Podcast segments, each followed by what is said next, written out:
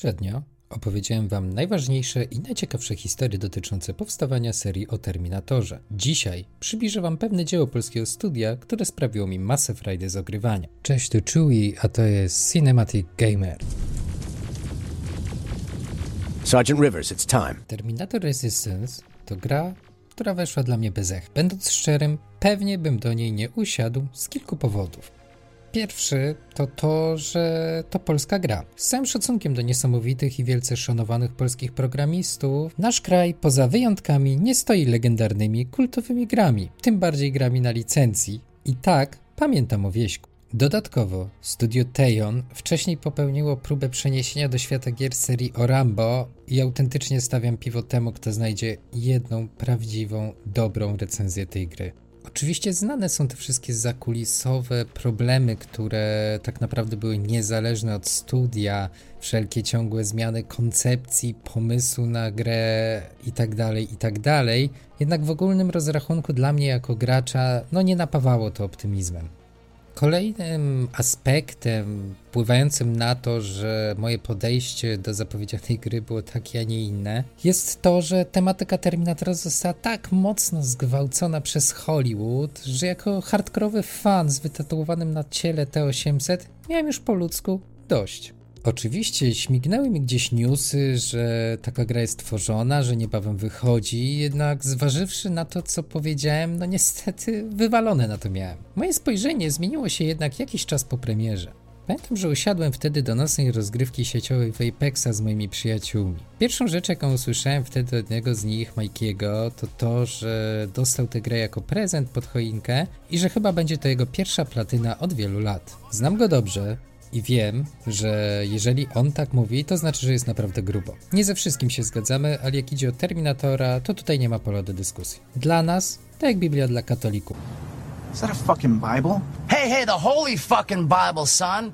Więc w tej kwestii wiedziałem, że nie robi sobie jaj. Wszedłem więc na stronę jednego ze sklepów internetowych, dodałem pozycję do koszyka i dzień czy dwa później kurierem przyszła przesyłka z grą. Akurat następnego dnia miałem wolne. Przygotowałem sobie drinka i jazda. Samo pojawienie się menu głównego już wiedziałem, że zapowiada się dobrze. Przywitał mnie ten legendarny motyw przewodni Brada Fidela. Pomyślałem se, mocne wejście, obyście tego nie zjebali. I muszę to powiedzieć już teraz. Nie zjebali. Historia zaczyna się od mocnego wejścia, gdzie poznajemy członka ruchu oporu Jacoba Riversa, który jest naszym protagonistą. Cudem ucieka on przed śmiercią ze strony elektronicznych morderców, by natrafić na grupę innych ocalałych i wraz z nimi przemierzać postapokaliptyczną Amerykę. Nadrzędną misją Riversa jest zdobycie informacji o tworzonym, stworzonym przez Skynet nowym rodzaju Terminatora, tak zwanym infiltratorze podróży, czy też w wykonaniu misji naszemu bohaterowi towarzyszy tajemnicza postać ostrzegająca go przed zagrożeniami i pomagająca mu poradzić sobie w najbardziej ekstremalnych momentach. Kim jest ta postać? Nie zdradzę, jednak zakończenie gry wyjaśnia wszystko.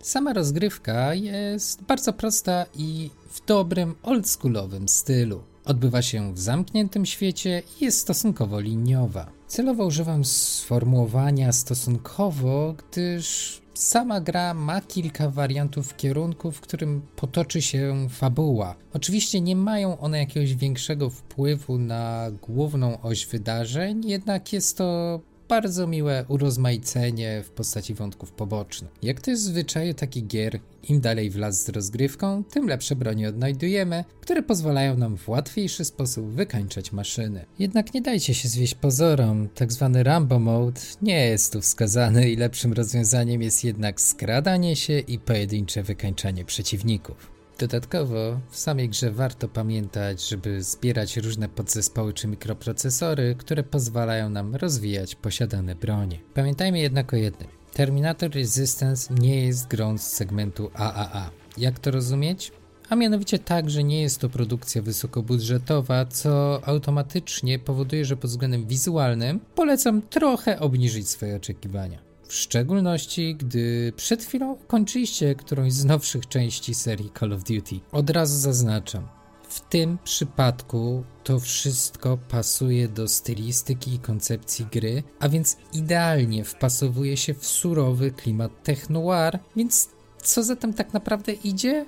no to, że w żaden sposób nie przeszkadza i nie odbiera radości z zanurzenia się w postapokaliptycznym świecie Jamesa Camerona. Pójdę wręcz o krok dalej, ponieważ tak naprawdę ta gra przypomniała mi te wszystkie emocje z pierwszego sensu Terminatora i wszystko tak, jak sobie jako ten dzieciak wyobrażałem, że by wyglądało w tym świecie. Surowość obrazu, barwy, masa easter eggów, a wszystko to oprószone świetną muzyką nadającej całości atmosfery tak doskonale mi znanej z czasów dzieciństwa, ale i teraz. Dodatkowym aspektem są mega wciągające DLC Annihilation Line oraz Infiltrator Mode. Na szczególną uwagę zasługuje ten drugi. Dlaczego? A mianowicie dlatego, że tutaj zmieniamy stronę i z bojownika ruchu oporu wcielamy się w postać Terminatora Infiltratora, czyli robota ukrytego pod sztuczną skórą człowieka. W filmie portretował go Frank Colombo. Jego misją, czy też zadaniem jest zdobycie informacji na temat Johna Connora oraz zlikwidowanie Daniela Ramireza, jednego z głównych przywódców podczas wojny przyszłości. Ten motyw jest czymś nowym, z czym wcześniej nie było możliwości się zetknąć. Sami przyznacie, że jest to mega ciekawe rozwiązanie i fajne uzupełnienie historii, kiedy tak naprawdę z tej zwierzyny stajemy się myśliwym, który tak naprawdę ma totalnie przeciwdziałać temu, co robimy w głównej osi fabularnej gry. Dla mnie osobiście jest to mega game changer w postrzeganiu uniwersum Terminatora. Powróćmy jednak do easter eggów. Muszę przyznać, że Terminator Resistance zawiera ich w ciul i jeszcze więcej. Fani będą mieli masę radochy odkrywając je, od tych bardziej oczywistych po te bardziej ukryte i niedosłowne. Muszę przyznać, że ktoś tu zajebiście odrobił pracę domową. Nie zrozumcie mnie jednak źle. To nie jest tak, że ta gra to jeden wielki easter egg nastawiony na ciągłe puszczanie oczka do e, wiernych fanów i grający na nostalgii, byle się sprzedać. Nie, nie, nic z tych rzeczy. Ta gra ma naprawdę świetną fabułę, która idealnie rozwija świat, a nie sobie po prostu w nim istnieje. Te easter eggi, te mrugnięcia oczkiem, to jest coś, co ma tylko powodować raz na jakiś czas uśmiech na twarzy, że jest to połączone z oryginalnymi dziełami. Przygotowując ten materiał stwierdziłem, że o kilku z tych histeregów muszę wam opowiedzieć, ze względu na to, że twórcy naprawdę zasługują na uznanie za to, jak przygotowali ten materiał i wszystko to wpletli do głównej osi gry. Pierwszą rzeczą, którą chcę omówić jest bunkier. Bunkier, w którym spotykamy oddział ruchu oporu pod przywództwem Jessica Baron. Jeśli dokładnie się przyjrzeć jego układowi od wejścia poprzez dwóch strażników z psem na wstępie, e, całą procedurę weryfikacji, gdzie podawane jest imię, nazwisko, przydzielony numer, poprzez telewizor służący za kominek. To wszystko jest, no, toczka w toczkę wyjęte ze snu Kyla Risa z pierwszego Terminatora. Kolejnym, co rzuciło mi się w oczy i wywołał uśmiech na twarzy, to to, że podczas jednej z misji skradamy się przez zakamarki opanowanego przez roboty szpitala psychiatrycznego, gdzie na fotelu operacyjnym znajdujemy zwłoki człowieka o twarzy i posturze Roberta Patricka.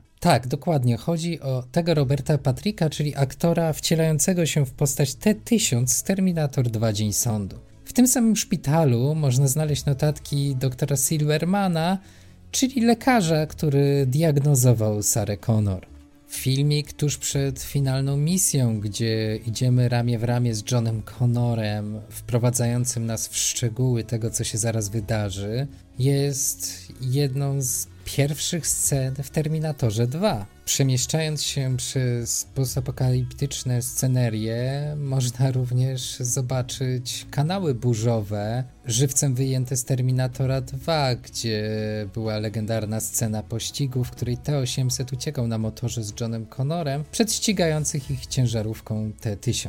Z takich mniej oczywistych, a dla bardziej wprawnego oka, w jednej z lokalizacji e, możemy zobaczyć bramę do CSI Steel, czyli huty, w której padły legendarne słowa z drugiej części, czyli Hasta la vista, baby. Kolejnym dla bardziej wprawnego oka będzie spalona ruina klubu Tech Noir, czyli tego, w którym w części pierwszej Sarah Connor ukrywała się przed zagrożeniem, za jakie uważała Kyla Risa, nie wiedząc, że to tak naprawdę kto inny na nią poluje. Jeżeli na przykład też zdecydujecie się wykonać jedną z pobocznych misji, pojawi się piesek, któremu można nadać imię Wolfie albo Max. Jest to ewidentne nawiązanie do sceny rozmowy telefonicznej z opiekunami Johna Connora w Terminatorze 2. What's the dog's name? Hey, Janelle. What's wrong with Wolfie? I can hear him barking. Is he okay? Wolfie's fine, honey. Wolfie's just fine. Śmieszny jest także sposób hakowania przedmiotów za pomocą Atari, czyli urządzenia, z którego korzystał John Connor w Terminatorze 2. Tutaj działamy na interfejsie Frogera. Tak, Frogera z Atari, o czym opowiadaliśmy Wam w pierwszym odcinku naszej innej serii, czyli Gameline. To wszystko to oczywiście przykłady, jest tego znacznie więcej, a samo wymienienie ich zajęłoby bardzo dużo czasu, a nie o to tutaj chodzi. Poddaję je Wam tylko po to, by zachęcić Was do sięgnięcia po ten tytuł, bo jest to naprawdę gra warta poświęcenia czasu i pieniędzy. Ma wszystko, czego zabrakło kontynuacjom filmowym. Świetną historię, która genialnie uzupełnia wszystko to, co znamy z filmów i w pewnym aspekcie rzucając na całość nowe światło. Mega ciekawe postacie, idealnie pasujące do wizji tego świata. Nasz protagonista jako postać, o której dowiadujemy się coraz więcej z biegiem czasu, który zginąłby zapewne w kilku momentach gry, gdyby nie pomoc innych, a w szczególności tej przewijającej się tajemniczej postaci. Sposób prowadzenia narracji, sposób rozwoju bohatera idealnie wkomponowuje się w to, co proponował James Cameron w swoich filmach. Wszystko to doprawione genialnym fanserwisem i dodatkiem Infiltrator Mode, który pozwala na podejście do historii z zupełnie niespotykanej dotychczas perspektywy. W moim spojrzeniu jest to zdecydowanie jedyny honorowy spadkobierca serii tworzonej przez Jamesa Camerona i liczę po cichu, że kiedyś ktoś sięgnie po prostu po ten materiał i nakręci z tego film. Z odpowiednim reżyserem, z szacunkiem do źródłowego materiału, jest to wręcz gotowy scenariusz na film. Jednak po tylu wtopach coś czuję, że długo nie zobaczymy podejścia do tej serii, mimo że ostatnio Cameron się zarzekał, że są prowadzone jakieś rozmowy na temat rebootu serii, jednak nie wchodził w żadne detale ani szczegóły, więc tak naprawdę pozostaje obserwować, co się wydarzy dalej. Jako ekipa Time Capsule, ale także przede wszystkim ja sam, chylimy mocno czoła przed studiem Tejon, które stworzyło grę z reżyserem Piotrem Latochą na czele, a także scenarzystami Jerzym Zalewskim, Markiem Baranowskim, Piotrem Dziadoszem. Dziękujemy wszystkim animatorom, aktorom, kompozytorom, dźwiękowcom, każdemu, kto przyczynił się do powstania tego dzieła. Czapki z głów, ponieważ pomogliście uwierzyć, że da się jeszcze coś dobrego z Terminatorem zrobić. Swoją drogą, Studio Teon obecnie pracuje nad adaptacją innej kultowej serii, a mianowicie Robocopem. Dodatkowo wielki Peter Weller wraca do swojej kultowej roli. Czekamy na to mocno i na bank będziemy recenzować, bo bądźmy są szczerzy, podobnym Rambo postawiliście sobie wysoko poprzeczkę. Na koniec dodam, że parę miesięcy temu tworząc ten materiał, nawiązałem za pomocą mediów społecznościowych kontakt z, ze studiem Tejon i obiecali mi, że po premierze Robocop Rogue City Postarają się zorganizować mi spotkanie z twórcami Terminatora, więc trzymajcie mocno kciuki, by się to udało. Każdemu, kto dotrwał do końca mojej sagi o Terminatorze, ogromnie dziękuję. Każdemu, kto był ze mną od pierwszego odcinka, należy się wielka wirtualna piąteczka. To jest koniec pierwszego sezonu Cinematic Gamer, a obecnie pracuję nad kolejną opowieścią, w której przybliżę Wam kulisy powstawania filmu o najbardziej przerażającym stworze w kosmosie. Za tydzień zapraszam Was na kolejny odcinek dyskusji Rafała i Marcina w ich serii Comic Cousins, a potem, kto wie, może przyszykujemy dla Was jakąś niewielką niespodziankę. To był Chewie i Cinematic Gamer. Do usłyszenia.